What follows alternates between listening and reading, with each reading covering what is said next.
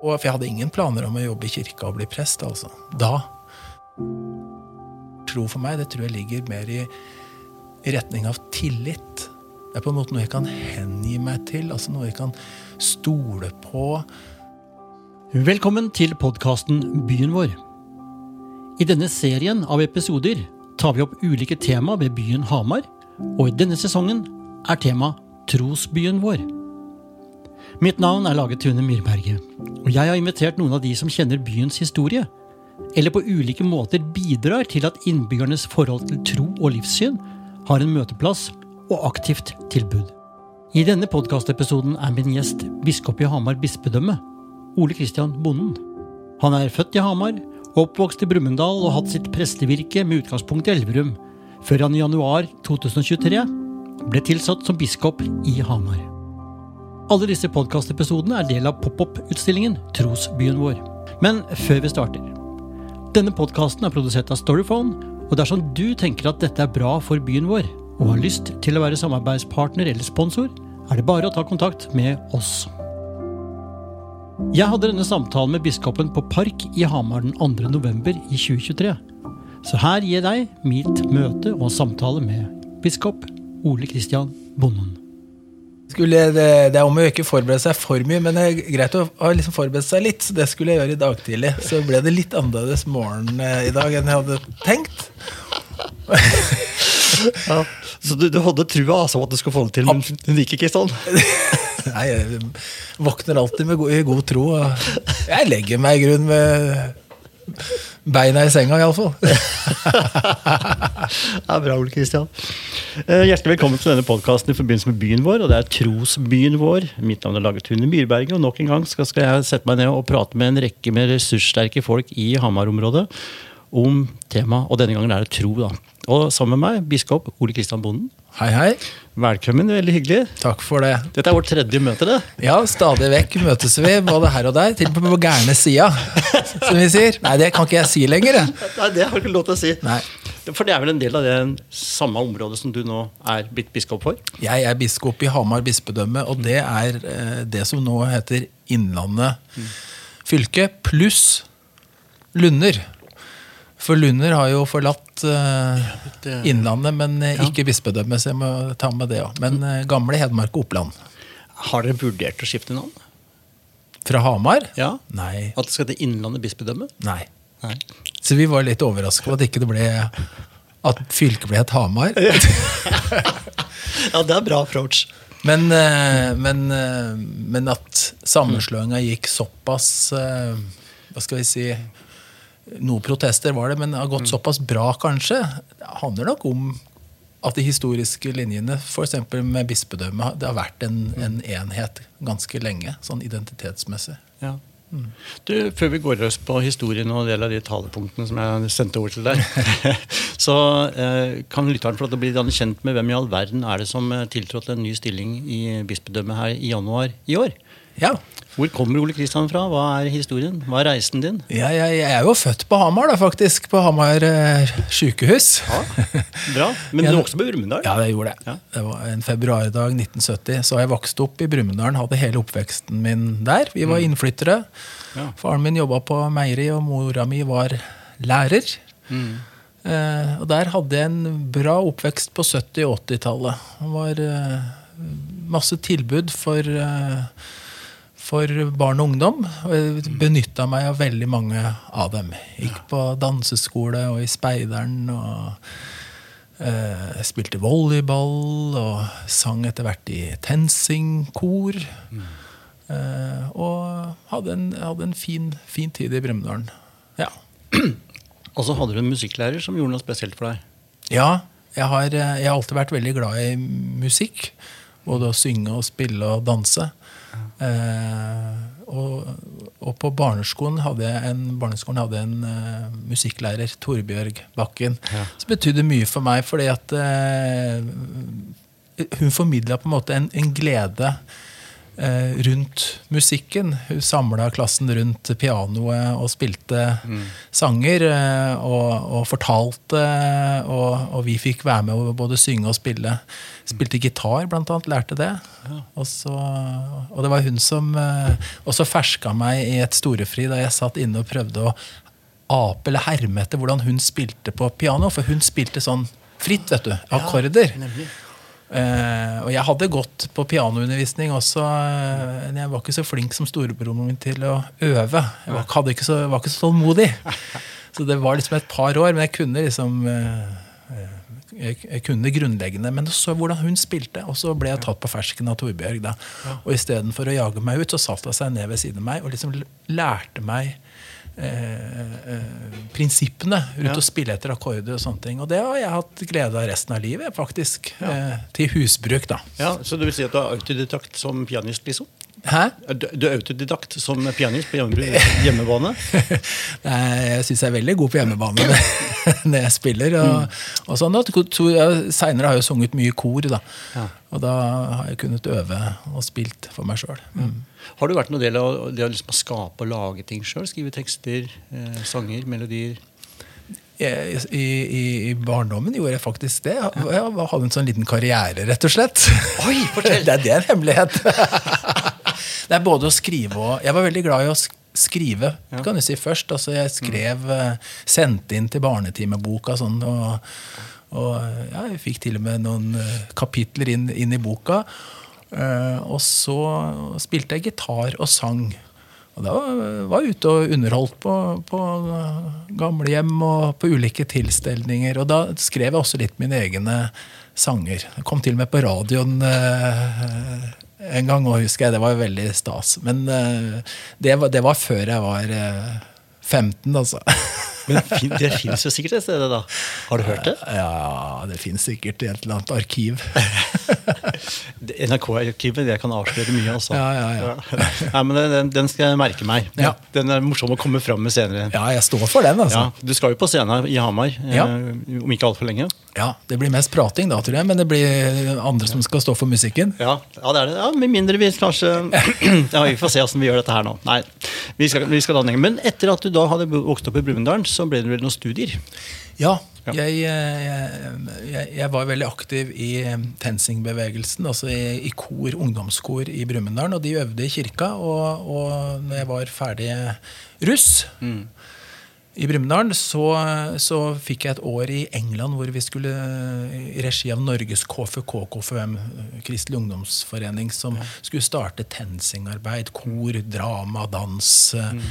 Eh, bodde, bodde, i London i et år. Altså, da fikk jeg bare drive med musikk. og sånn. Det vil si, ikke bare, for, mm. for å finansiere dette året så var vi også fjernstudenter ved Høgskolen i Volda. Så jeg begynte å studere litt sånn for å finansiere det, dette året. Og da var det kristendom som var studiet. Ah. Så da kom jeg liksom i gang med det. Og så, for jeg hadde ingen planer om å jobbe i kirka og bli prest. altså. Da. Og så, etter det, var jeg et år i Forsvaret. Og da var jeg så involvert i sånn TenSing-arbeid. Oppe i nord så ville de ha en TenSing-dirigent til å dirigere koret. Ja. Og det var det feltpresten som rekrutterte meg. Så da ble jeg eh, ikke bare TenSing-dirigent i Nord-Norge, men da ble jeg feltprestassistent. Og jeg tror nok at de to åra eh, som feltprestassistent i Forsvaret og i England, eh, hvor jeg også studerte kristendom, eh, gjorde meg nysgjerrig på teologifaget, rett og slett. Jeg hadde jo tenkt å bli journalist. Ja, Jeg skulle jo skrive mer. Og så tenkte jeg at jeg må jo studere noe. Så liksom Statsvitenskap, ja. juss eller ja, jeg tenkte jeg skulle, ja, og så tenkte jeg, jeg kan ta teologi, da. For det er en veldig sånn brei og allmenn ja. utdanning. For jeg har lært mye om språk, historie, filosofi, etikk. ikke sant? Ja. Uh, så det var spennende. Så, så jeg kasta meg litt på det studiet. Og det er et langt studie. Det er sju år. Så ja, ja, ja. Det er som legestudie? Ja. Eh, så det, det starta jeg på, og trivdes veldig godt. Eh, i, i, Oslo. Og gjennom det så modna det også en, en slags uh, lyst til å jobbe som prest. Jeg fikk faktisk prøve meg da jeg var 21 år. Etter et halvt år så hadde vi en sånn sommervikartjeneste. Hadde åtte uker i Nord-Norge. Og jobba som prest, med veiledning, da, riktignok. Men det, det, ga mersmak. Jeg syns det var, jeg alltid likt å jobbe med folk. Og jeg syns også faget var eh, veldig interessant. Ja, ok, ja, Men da tok du teologi, teologistudier, da? Da gjorde jeg det i, i Oslo, og, og, var ferdig Ja, vel fylt Blitt 26, da, nesten, da jeg var ja. ferdig. Så da reiste jeg til, til Vestlandet, faktisk. Til Volda, hvor jeg var lærer et år på høyskolen og underviste. Akkurat. Så det tok et år før jeg ble prest. Da, det, og det var i Elverum. Mm. Så da kom jeg tilbake igjen til eh, Hedmark. Yes, fantastisk. Ja, jeg valgte tilbake til folkekirkeland. Ja. Men det er litt morsomt også, da, for da sitter du altså i London og studerer i Volda, og ferdigutdanna, så kommer du tilbake til Volda. Ja, det er noen ringer som slutter seg. Ja, det var det. Jeg var, var ganske god student, da, kanskje. Ble rekruttert, så jeg kunne blitt høyskole, høyskolelektor, het jeg da den ja, gangen. Ja. Høgskolelektor. Ja, ikke sant. Nynorsk ja. Eh, der oppe. Ja. Når traff du kona di? Hun traff jeg faktisk i England på det TenSing-prosjektet. Ja. Og så studerte vi også sammen, for hun er jo prest. Hun er prest mm. i Vang utafor Hamar. Ja. Og så gifta vi oss grunnen når vi var ferdig, måtte studere ferdig først. Han måtte vite hvorfor han gifter seg? Ja, ja, ja, mm. ja. Nei da, men vi måtte være fri og franke når vi var studenter. vet du. Kunne ikke, kunne ikke etablere oss for tidlig. Mm. Men um, da gifta vi oss og, flytta da til, uh, til Nordvestlandet først, og så til, til Elverum. Ja. Og så kom det barn. Tre stykker. Ja. På rekke og rad i 97 og 2000 og 2002. To gutter og ei jente. Yes. Ja. Tror, ja, så da ble vi i Elverum. Hatt uh, en fin, uh, fin, fin, oppvekst med unga. Vi fikk vårt sosiale nettverk og trivdes veldig godt mm. i jobben. Ja. Starta som det som heter kateket. Hadde liksom kirkelig undervisning som hovedtema. Mm. Jobba mye med kirkelige altså det vi kaller liturgiarbeid. Ritualene, dåp og gravferd. Det er jo nesten som teater, det. Ja, det er, ja, det, er det. Ja. Det er, um, for det er ikke bare ord heller. Det er på en måte hvor vi står og går, og, og hvordan vi ja, hvordan scenografien er, nærmest. Ja. Men uh, Dette, dette syns jeg er interessant. Da, men får man lyst til å prøve nye ting? I ritualene, med liksom hvordan publikum involveres, reiser seg Ja, det er en vanlig måte å gjøre det på, synge ja. med, men altså, får man noen ideer om andre løsninger? Ja, og det var det, Vi kalte det Elverumsprosjektet, det som jeg leda faktisk eh, når jeg kom til Elverum, som var et sånt um, reformarbeid. Nettopp mm. med gravferd først, og siden dåpsritualet. Mm. Noe av bakgrunnen var jo nettopp at vi samla 70 prester fra hele Norge og sa at vi har mye erfaring på hva som fungerer og ikke fungerer. Mm. Hvordan, liksom, ja, da, får lyst til å gjøre noen endringer. Ja. Da jobba vi både sånn faglig, historisk og, og mm. teologisk, men også ut ifra de erfaringene vi hadde i møte med folk. Ja. For selv om vi har et ritual og liksom en fast form og rom og har noen rammer, mm. så, er, er, så skapes det jo nytt hver gang det skjer. Det blir jo aldri helt likt. Ja, sånn, ja. Mm, av menneskene og de livene mm. som ja, gravlegges. da. Ja. Og så er det noen. Ikke sant? Talene litt forskjellige, ja. menneskene forskjellige, mm. musikken mm. velges litt ut ifra det. Så det blir aldri rutine.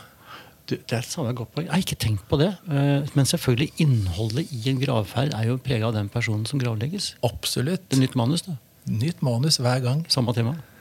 Ja, levd liv? Levd liv, ja. Og mm. da, da, altså der kommer liksom, jeg sa jeg kunne bli journalist. Jeg har ofte tenkt på at det ligner litt. Jeg har jo sånne sørgesamtaler. Da sitter man og snakker om, om avdøde, om, om, livet som var, om hva som betydde noe. Kan komme fram såre ting, komme fram gode ting.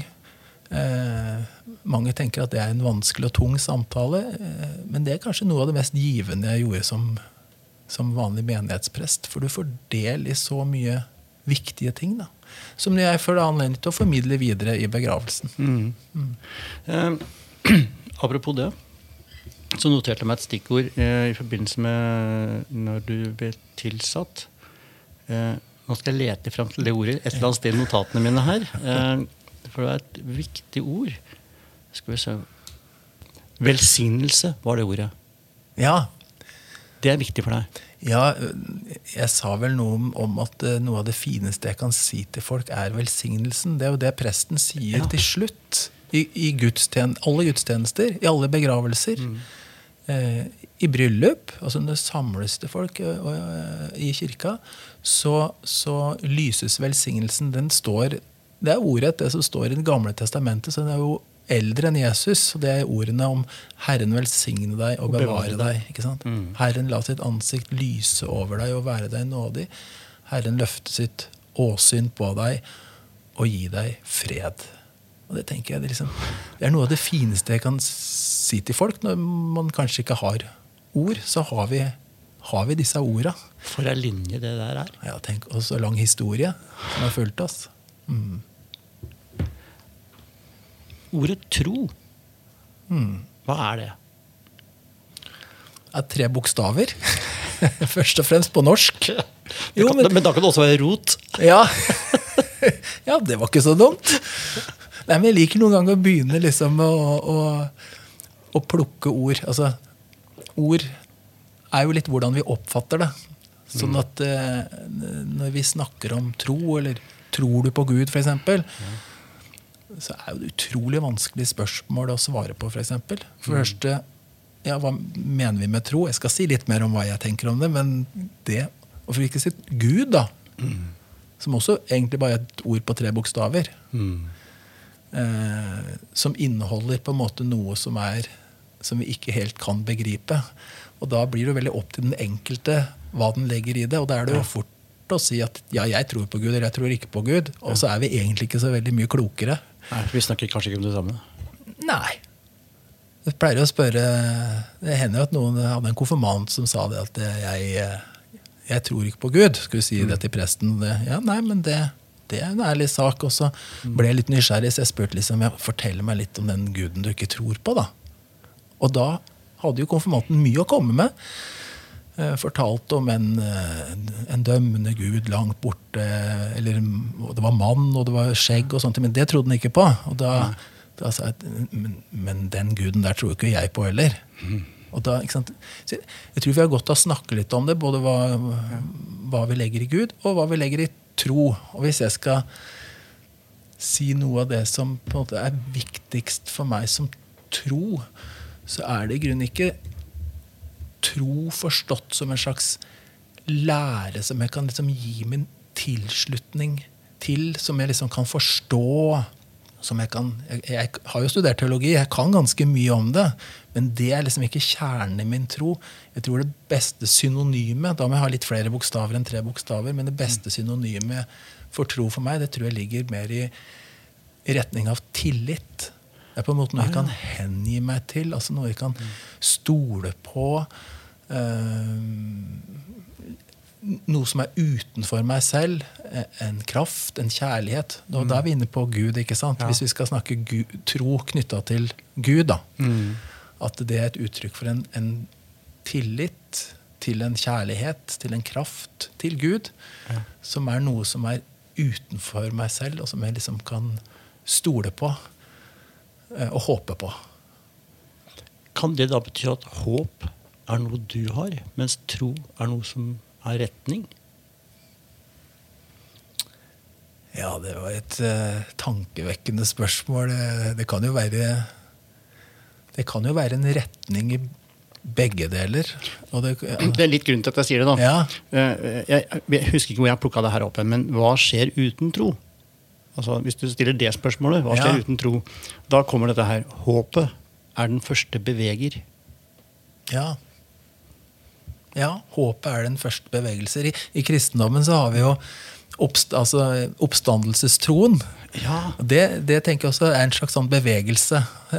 Ja. Det, der, altså, det, det skaper Det skaper en tro, men det skaper jo samtidig et håp òg. Altså, det er jo på en måte det er jo ja, det henger, I kristendommen snakker vi om tro, håp og kjærlighet. eh, Ja, det gjør ikke det. sant? Ja.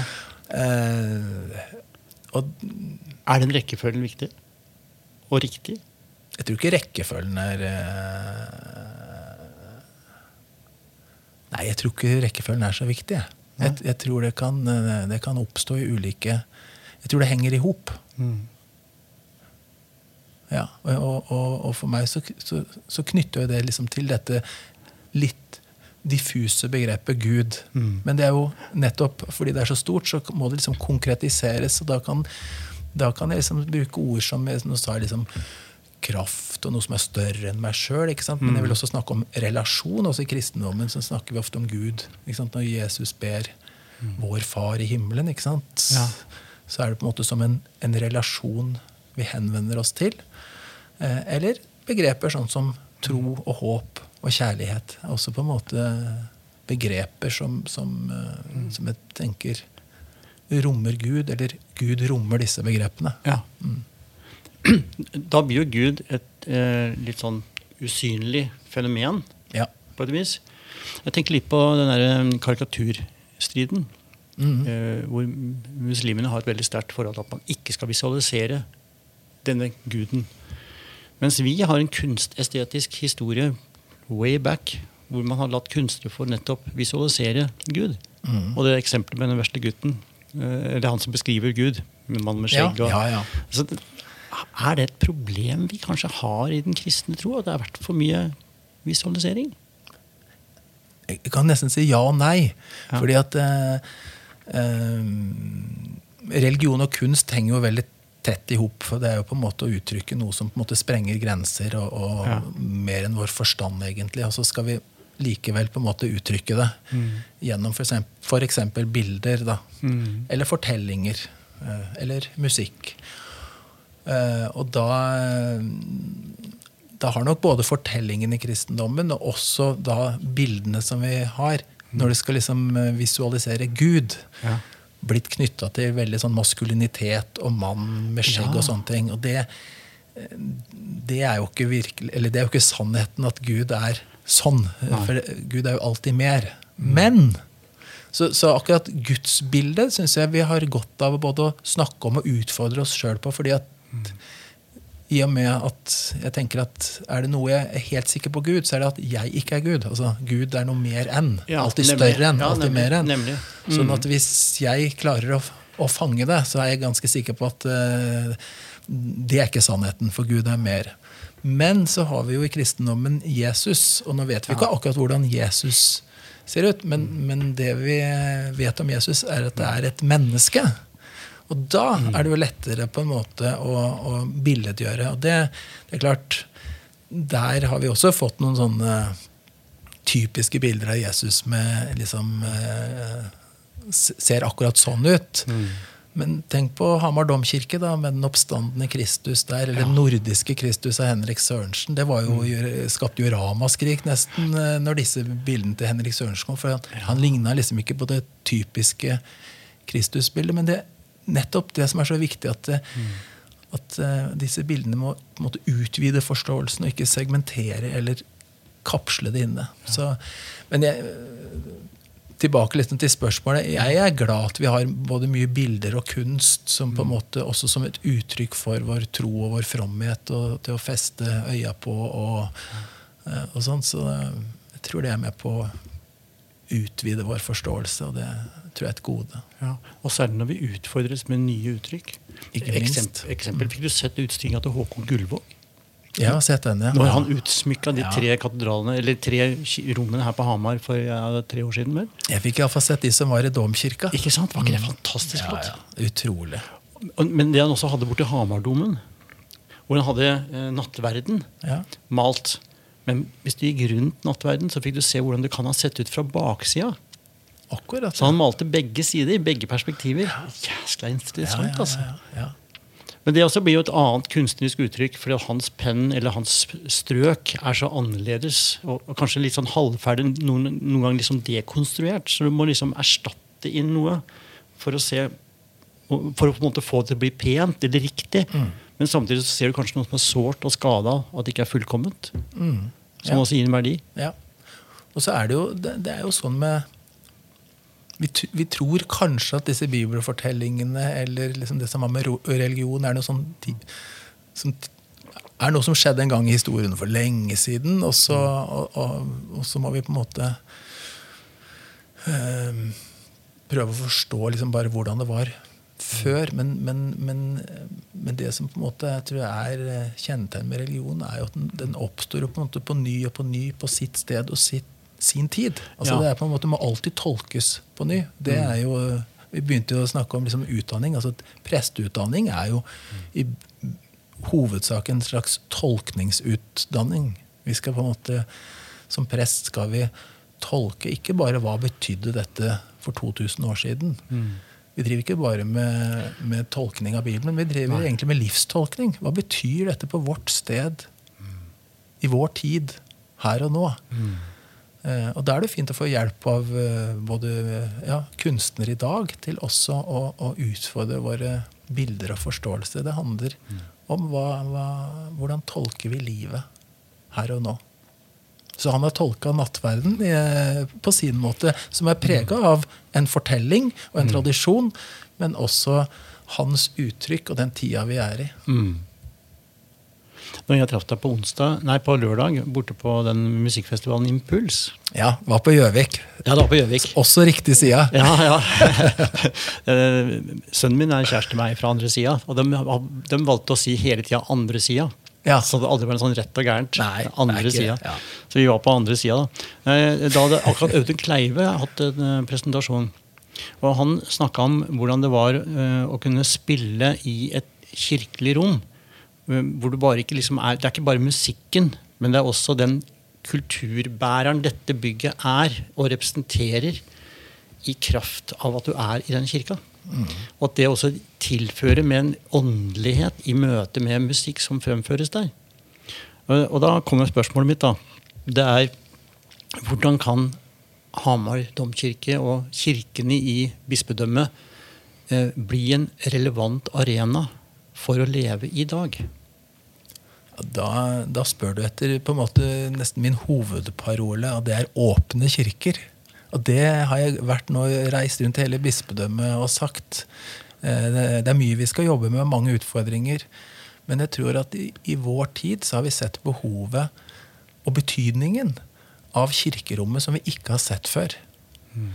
Um, og da, Det handler om mer om at døra er åpen, men vi kan jo begynne med det. Altså At kirkerommet er åpen og tilgjengelig for folk, og at kirka mm. ligger der den ligger i, i byen. Det er på en måte et bygg mm. som jeg tror alle forholder seg til, bare vi liksom går forbi. Og jeg er opptatt av at det skal være lys i vinduene og åpne dører, fordi at bygget representerer en del av vår identitet. Og når vi kommer inn der, så kommer vi med våre egne, på våre egne premisser og egne liv. Det er ikke sånn at man har liksom at De er kristne, og de er ikke kristne, eller de tror sånn. Vi vet mm. veldig lite om hverandre, men vi er mennesker alle sammen. Mm. Og det at det rommet med den historien, estetikken, mm. Eh, det vi legger i det, det jeg kaller et hellig rom, mm det, eh, det, har vi sett på en måte kanskje mer og mer betydningen av i vår tid. Vi, ja. vi snakka tidligere litt om det med pilegrimsvandring. Ja. Måte, men sånn i mm. vid forstand så tenker jeg at alle som beveger seg i Hamar by, som forholder seg på en eller annen måte til dette rommet, og mm. gjennom ei uke eller gjennom et år eller gjennom et liv, så er vi innom det rommet. Enten det er en begravelse, det er en konsert, det er en gudstjeneste, det er høytid, mm. Kanskje en skoleomvisning Eh, der, eller mm. et eller annet. Det, jeg, jeg, tror betydningen av åpne kirker er utrolig viktig. Vi, ikke, altså, vi tror at ting bare går liksom i én retning. Men, men, det fenomenet som vi har opplevd de siste 40-50 åra, at det, når det skjer en krise, en mm. ulykke, så må vi låse opp kirkene for at det, ungdom og voksne mm. skal inn i kirken og tenne lys. Mm. Vi tente ikke lys for 50 år siden i kirka. Bare for å si det. Nå gjør vi det. Og det tror jeg er en uttrykk for dette med tillit. Altså tro som tillit. Mm.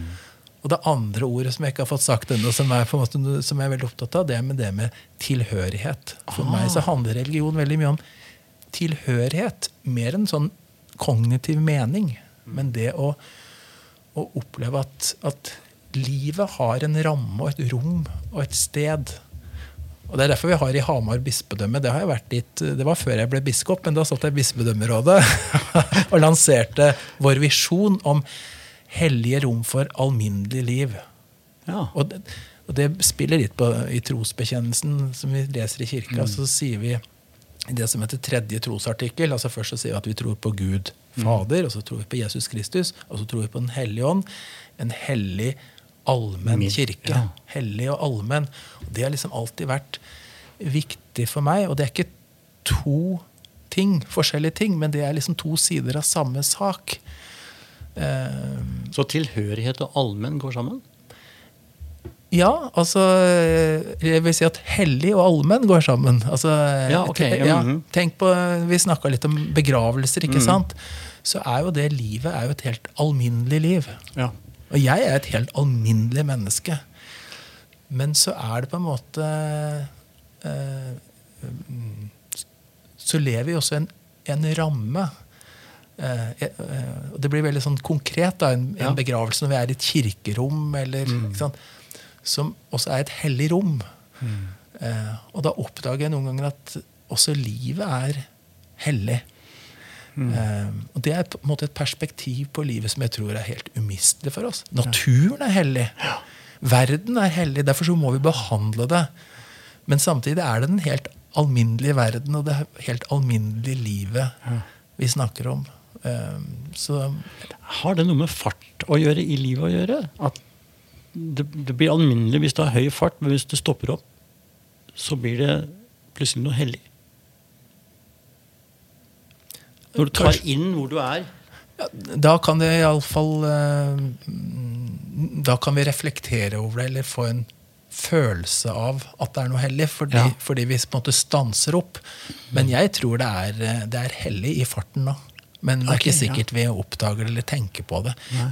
Og det er ikke så farlig at vi skal tenke på det hele tida heller. Altså, sånn, eh, eh, det er det jeg mener med at hellig, jeg setter ikke hellig og alminnelig liksom opp mot hverandre. Jeg tenker at det er to sider av samme sak. Men, men, men, eh, men rommet og ritualet og religionen kan hjelpe oss til å tolke livet. Vi driver med livstolkning. Ja. og det kan gi mening, ikke nødvendigvis som en sånn kognitiv sånn 'og nå forstår jeg', og sånn, men mer den derre opplevelsen av tilhørighet. At, eh, at her hører jeg til, her er det godt å være. Livet er verdt å, verdt å leve. Når, når jeg hører deg snakke, Kristian, så, så bruker du ordet mening. Ja. Hvordan står ordet mening som en opplevelse i forhold til fakta og sannhet? Når jeg bruker mening nå altså jeg tror Vi er jo meningssøkende mennesker. Så, så, sånn, men ofte så Når vi snakker om tro og mening, eh, så, så er det lett å bli en sånn kognitiv ting som vi forstår, og som vi kan bekjenne eller gi vår tilslutning til, eller ta avstand fra. Mm. det er på en måte en religionsforståelse som vi har i vår kultur, som også er en del av virkeligheten, og særlig vår pietistiske arv også, hvor liksom man, det er ja eller nei, liksom. Ja. Men vi har det også i vår sekulære religionsforståelse. altså Når humanetikere snakker om religion, så, så er det ofte så, så kjenner jeg meg ikke alltid helt hjemme i, hjemme i den definisjonen som jeg oppfatter at de sier at liksom Ja, tror du på jomfrufødsel sånn og sånn og sånn og sånn? Eh, men, men eh, men mening er jo mer enn en kognitiv greie. Og i kristendommen er det jo så viktig å si at, eh, at eh, troen er på en måte like eh, viktig Altså Troen er noe vi får. Det er ikke noe vi har tilegna oss sjøl. Derfor så driver vi med spedbarnsdåp i kirka vår. Vi sier jo at spedbarnet tror. Eh, og sjøl hadde en far som ble veldig dement før han døde. Eh, så han kunne heller ikke på en måte sett så mye ord på Nei. mening og tro. Likevel så er min religionsforståelse at han, han var døpt og hørte til i kristendommen. Han, han var kristen selv om han ikke kunne sette ord på det eller Ja. forstå det. Og sånne ting. Og det er litt derfor jeg liker bedre å snakke om tilhørighet. Ja.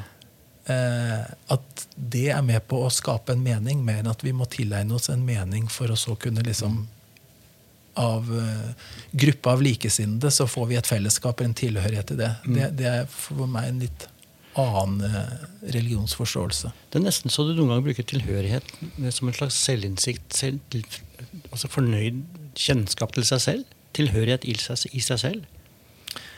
Ja, og tilhørighet i verden kanskje òg. Ja. Og, og, så, så, ja, både innover, men også utover. Til Ja. noe høre til i et fellesskap. Eh, eh, og enda videre enn det. Altså til en Mm. virkelighet større enn seg. Og da må jeg bruke ord som, som Gud. Ja, ikke sant? Skjønner. Mm. Men da er det jo bare et ord for å prøve å sette altså Når jeg sier bare et ord, så kan Mm. noen synes at det liksom var ikke så viktig. Jo, det er kjempeviktig, men, men det er jo et uttrykk for det som jeg ikke har ord for. Og da må jeg bruke et ord som på en måte kan sprenge de grensene. Og for, for meg, eller da syns jeg at, eh, at Gud er et sånt begrep. Og så vet jeg at for andre så kan det være et innsnevrende begrep for det man har tenkt nei, men Gud, det er sånn og sånn og sånn. det, når du snakker nå, så, så visuelt ser jeg for meg hva kunne Gud vært i den sammenhengen her. Da faktisk er jeg for Edvard Munch. Ja. Og tenker på når jeg kommer i universitetets øvla og ser sola. Ikke noe menneske, bare sola. Ja, Livgjørende. ja. Går den sola opp eller ned? Den går opp, gjør den ikke det? Det er jeg er usikker på. Jeg har ikke tenkt på. Nei, det er interessant. eh, Den er i hvert fall. Ja, ja, ja. ja. Og det, altså, sola er jo Den er jo for så vidt også i alterbildet på, i Hamar domkirke. Ja, og, og, og altså denne erfaringen av oppstandelsen, som på en måte er så umulig for oss å begripe, fordi at det har vi ikke noe erfaring av. Altså at mennesker som er døde, vekkes til livet. Vi kan ha hørt noen sånne fortellinger, Ja. men, men, eh, men eh, det er ikke så veldig lett å bevise. Men vi har jo likevel en erfaring av oppstandelsen i skaperverket. Og det har vi bl.a. med soloppgangen. Altså, eller at sola kommer tilbake igjen hver dag.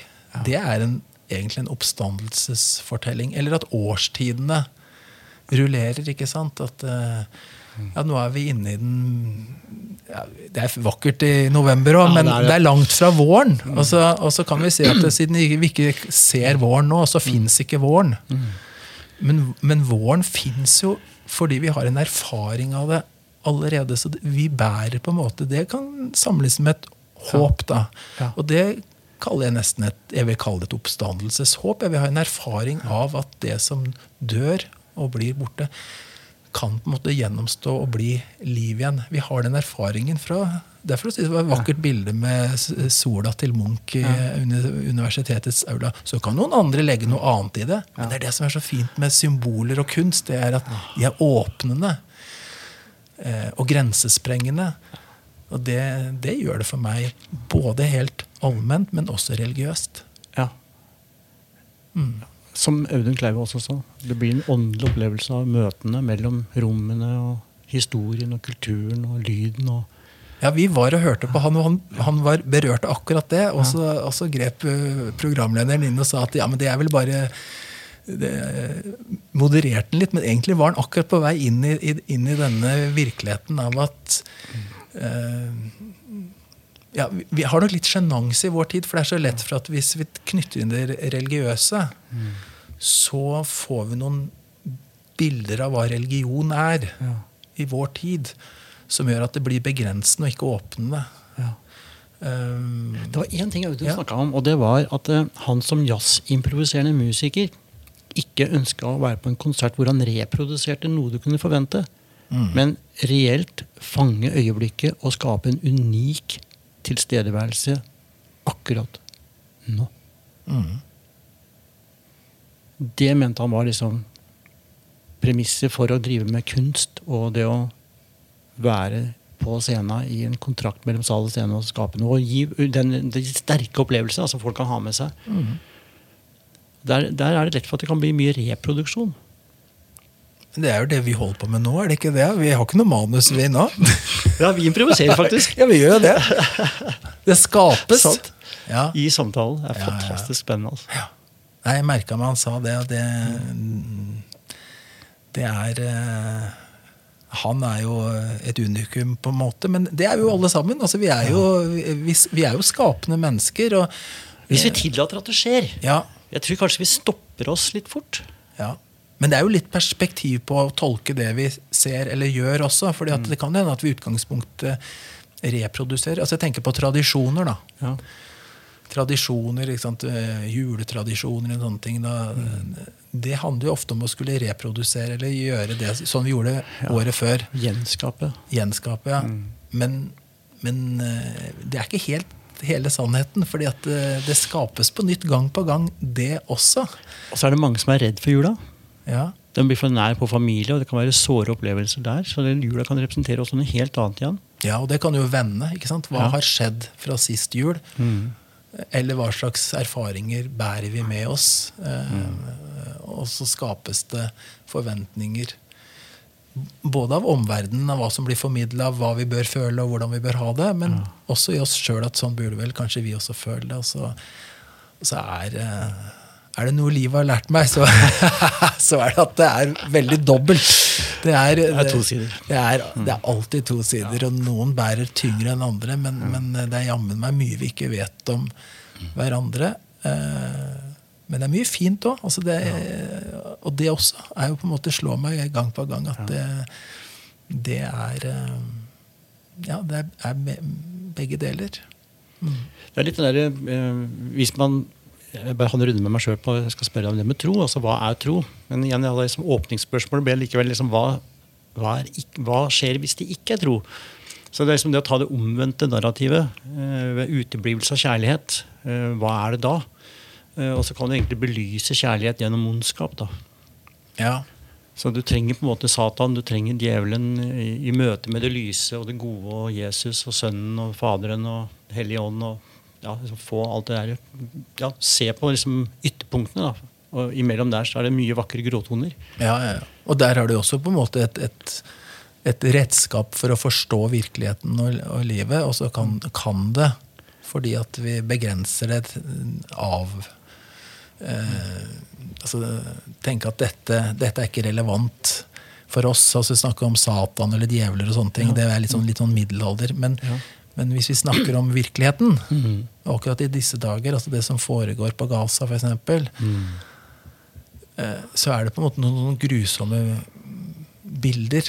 Eh, så vi trenger ikke liksom å lete så langt for å se på en måte hvor lidelse og, og folk opplever ondskap i sine liv og nød. ikke sant? Det, og, vi trenger ikke gå så langt bort heller. Dette fins jo overalt, på en måte, og det, det er jo et uttrykk for det. Ja. Det som kanskje gjør det Palestina-Hamas, eh, Israel-problemet så relevant, er for at det så tydelig snakker om så mange tusen år med historie som årsak for den kampen de utøver. Der er ikke Ukraina-krigen på en måte samme historiske linja. Nei da. Og det gjør det jævla sårt og vondt, for det er, så, det er så stor del av vår kultur også. Ja da, Men det gjelder jo for så vidt Ukraina òg, med, med, med kultur og, og nærhet og sånt. Men, men eh, det er for, forferdelig vanskelige eh, situasjoner. Men samtidig så tenker jeg at eh, et liv, et menneske, er på en måte et menneske uansett. Eh, og, og det å ta liv eller å, å drepe er er forferdelig, uansett hvor det skjer. Og så har du, har du en historikk her som eh, jeg tenker er uh, mye fint i historien, men også vært veldig krevende. Og, og, men det vi på en måte har lært et, Det er mange som Vi lever i en tid hvor mange unge snakker om på en måte at det er vanskelig å håpe, f.eks. Det er vanskelig å se framover. Det er, liksom, det er klima, det er krig, det er dyrtid. Eh, demokratier vakler. Hvordan blir det med framtida? Det, det er alvor, og det er usikkerhet. Men, eh, men historien har jo lært oss også at det er eh, Det har det vært før òg. Jeg, jeg, jeg tror det vil bli fred i Israel og Gaza også. Jeg tror. Ja, ikke sant? jeg, jeg syns på en måte jeg kan ikke tillate meg noe annet enn å tro. Det, det, ja. Og for å parere den også, for at eh, den trua gir mening. ja. Kanskje bare som et håp. Mm. Men det kan også, det, vi snakker om tro, håp og kjærlighet. Altså, Ja. At det kan generere det. For alternativet kan jo være på en måte apati. Man gir opp. Det, det tror jeg ikke er noen Det er, det er ingen vei. Nei. Ole Kristian, nå skal vi ta med lytteren på en jævlig spennende eh, hopp. En Ja. liten vending. Ja, det blir spennende. Eh, ja, og det er eh, dette med kristendemokrati, som vi snakka om før vi begynte opptaket. Mm. Civita hadde en frokostmøte i går, eh, hvor de da ser på hvordan gjennom historien det norske samfunnet eh, og demokrati er blitt forma under et premiss av at det er en statskirke og en statstro. Så gjør man da et grep om å skille dette fra hverandre. Er det da den norske stat som har skilt seg fra kirka, eller kirka som har skilt seg fra staten? Det var jo den tosidigheten som du løfta opp når vi snakka om det her. Ja. Hvor står vi egentlig i dag i, i forhold til eh, kirke, kristen tradisjon eh, og kristne budskap eh, i forhold til stat og demokrati og samfunn? Hva, hva tenker du om det? Jeg tror nok at det som har skjedd det siste året Jeg ofte likt å snakke om mer enn skille, så jeg snakker om endrede relasjoner. Ah.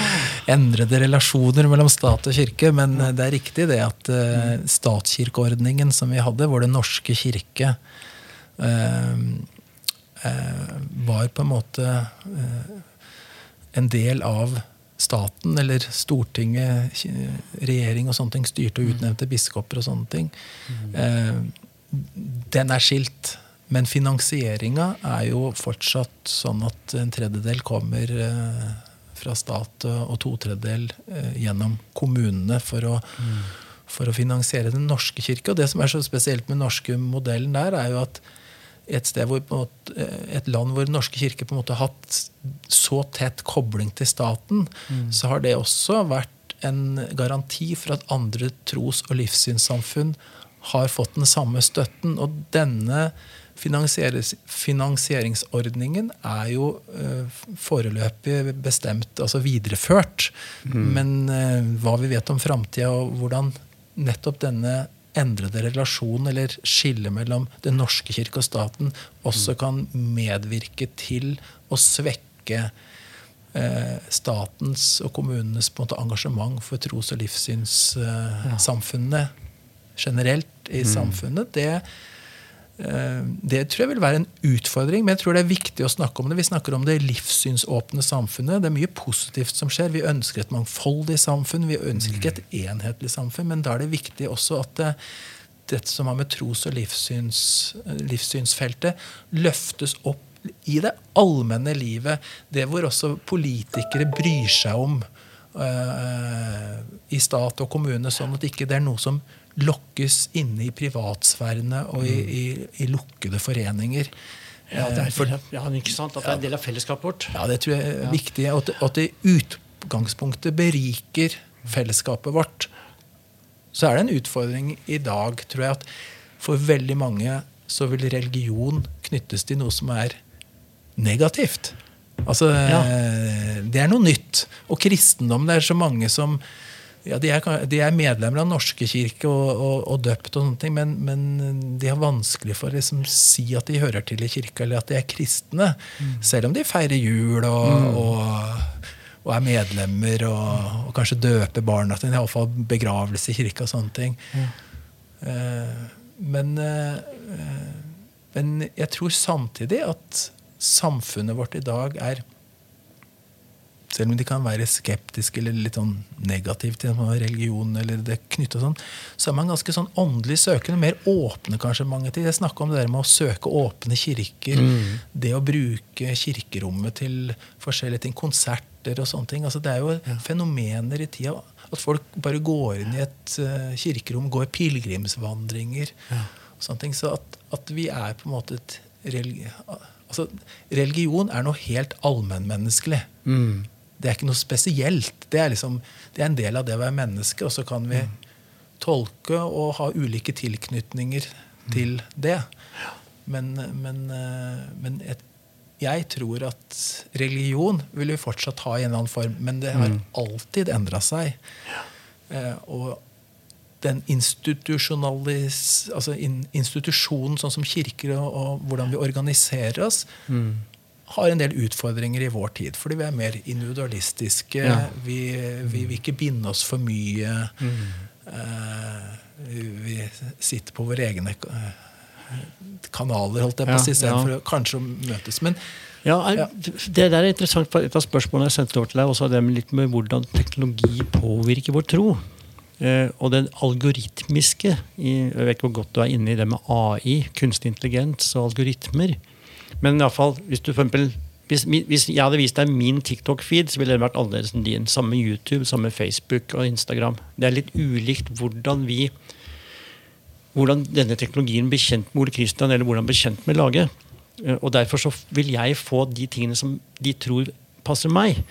Uh, og dette kan man si går på f.eks. Uh, kjønnsidentitet. Det kan gå på uh, markeds... Altså, hva slags produkt du er ute etter. Du kan bli utsatt for reklame som påvirker deg, men også meninger og synspunkter. Slankeblogger og den type ting.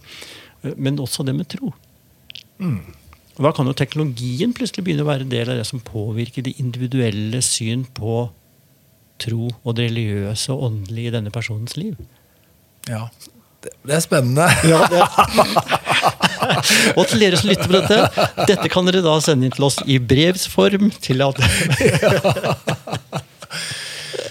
ja, jeg, det er spennende tider, da. Ja, det, det er alltid spennende tider. Og jeg, jeg er jo jeg, jeg, er heldigvis for min egen del, kanskje. Mm. Altså, eh, jeg tenker jeg tenker sånn grunnleggende at verden går framover. Altså, det er mye som, mye som blir bedre. Jo, men det gjør jo det. Altså, og det er jo sånn at det, at det, blir jo ikke Men vi får så mye inn, ikke sant? Mm. Det, det, er jo ikke sånn at lidelsen i verden er verre fordi mm. at vi får vite om det. Den er, den er, ille, den, fordi det er lidelse der ute. Den finnes. Ja, det er egentlig bra det at vi får vite om det, men, men det hjelper ikke bare å vite om det, vi liksom gjør noe med det.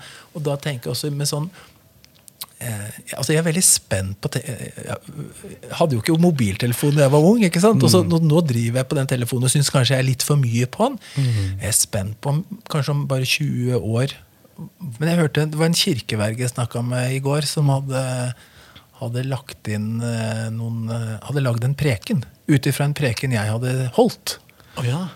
Men hadde liksom gitt inn noen verdier, da, sikkert. Ja. På en sånn, og fått ut og den ble så bra, sa ja, utgangspunktet er bra. Men, men først hadde den skrytt veldig av prekenen min. Da. Ja. Jeg vet ikke om det var for å høflige, men uh, jo, jo. de er høflige. Det, ja. Nei, men, det er eh, kjempeinteressant. Ja. Nei, det skjer, det skjer mye. Og jeg tror Altså, jeg uh, jeg, jeg, jeg, sa at jeg er grunnleggende optimistisk. Ja. Altså, jeg, jeg, liker å møte ting med åpenhet, men jeg ja. tror også en annen side at vi også skal møte ting med kritisk. Det syns jeg på en måte generelt ja. mm. når vi har snakka om det med, med religion eller mm. tro og sånn. at jeg, jeg, jeg, tror det er viktig med åpenhet, men jeg tror mm. også det er viktig å være litt kritisk. Altså, vi skal ja. ikke liksom kjøpe alt for uh, altså, vi, ja. Og vi trenger noen rammer og grenser og på en måte stille oss de kritiske spørsmålene. Og det gjelder jo disse tinga her òg. Ja. Og jeg, jeg, tror jo ikke at jeg, synes, det jeg er skeptisk til, er hvis alt overlates til forbrukeren den enkelte. Altså, vi, vi, må på en måte i fellesskap uh, sette noen grenser. Og det er kanskje noe av det som uroer meg mest. Da. Det er liksom det som har med demokrati å gjøre, og hvordan vi på en måte tar vare på fellesskapene mm. våre. Uh, nettopp for å sette de grensene som er nødvendige i vår tid. Mm. De kan jo endres. Det har vi jo erfaring med hele tida. Men at man har den den både debatten og, og, tar det ansvaret for hverandre. Da. Mm. Vi har jo lekt litt med dette med ord og begreper. Eh, og det som slår meg i hug når du, når du snakker nå Ikke i hug, det blir feil uttrykk. Det som, det som slår meg Et nytt ord på tre bokstaver? hug, ja. Hug. Tro, håp og hug. det er det nye treenigheten. Nei, det, det slår meg er at, altså, eh, at vi bør vi, vi, må håpe at folk har en eh, åndelig integritet i møte med den samtida vi nå har, og det vi kommer til å møte i framtida. Mm. Ja, og da Jeg tror og håper at vi tar med oss altså At vi våger å snakke om det. At, at det ikke blir mm. privatisert og lukka inne i det enkelte rom. Mm. Men at det er noe som vi kan dele både i åpenhet, men også kritisk. Ja. Ehm, for det tror jeg er med på å nettopp tolke tida og livet og verden vi lever i. Mm. Um, og at vi liksom står i en vi står i en historisk linje. ikke sant? Vi står i en, vi er i en verden. Det fins noe på en måte mer enn akkurat det som vi erfarer her og nå. Det tror jeg er liksom perspektiver som, som eh, er viktig for oss for å skape den nye dagen og den nye uka og det nye livet og, og, og nye verden. Så Da er vi inne på skapelsesprosesser. da. Ja, og da veit vi det at sola står opp hver, hver morgen. Og det kommer vår og det kommer høst og sånne ting. Og i dette lever vi med de utfordringene og de såra vi har med oss. og, og sånn, Men det er noe som skapes. Det, det er tro, det. Det er fantastisk. Ja. Ole Kristian Bonden, dette er den vakreste avslutninga på den samtalen som har vært utrolig interessant og god. Takk for praten. Takk i like måte. Takk for at du har hørt denne episoden av Byen vår, og en spesiell takk til Ole Kristian Bonden for å dele sin historie. Episoden er produsert av Storyphone, og du kan høre flere episoder der du lytter på podkaster. Dersom du tenker at dette er en spennende tilbud for byen vår, så kan du ta kontakt og bli med som samarbeidspartner og sponsor. Vi høres i neste episode.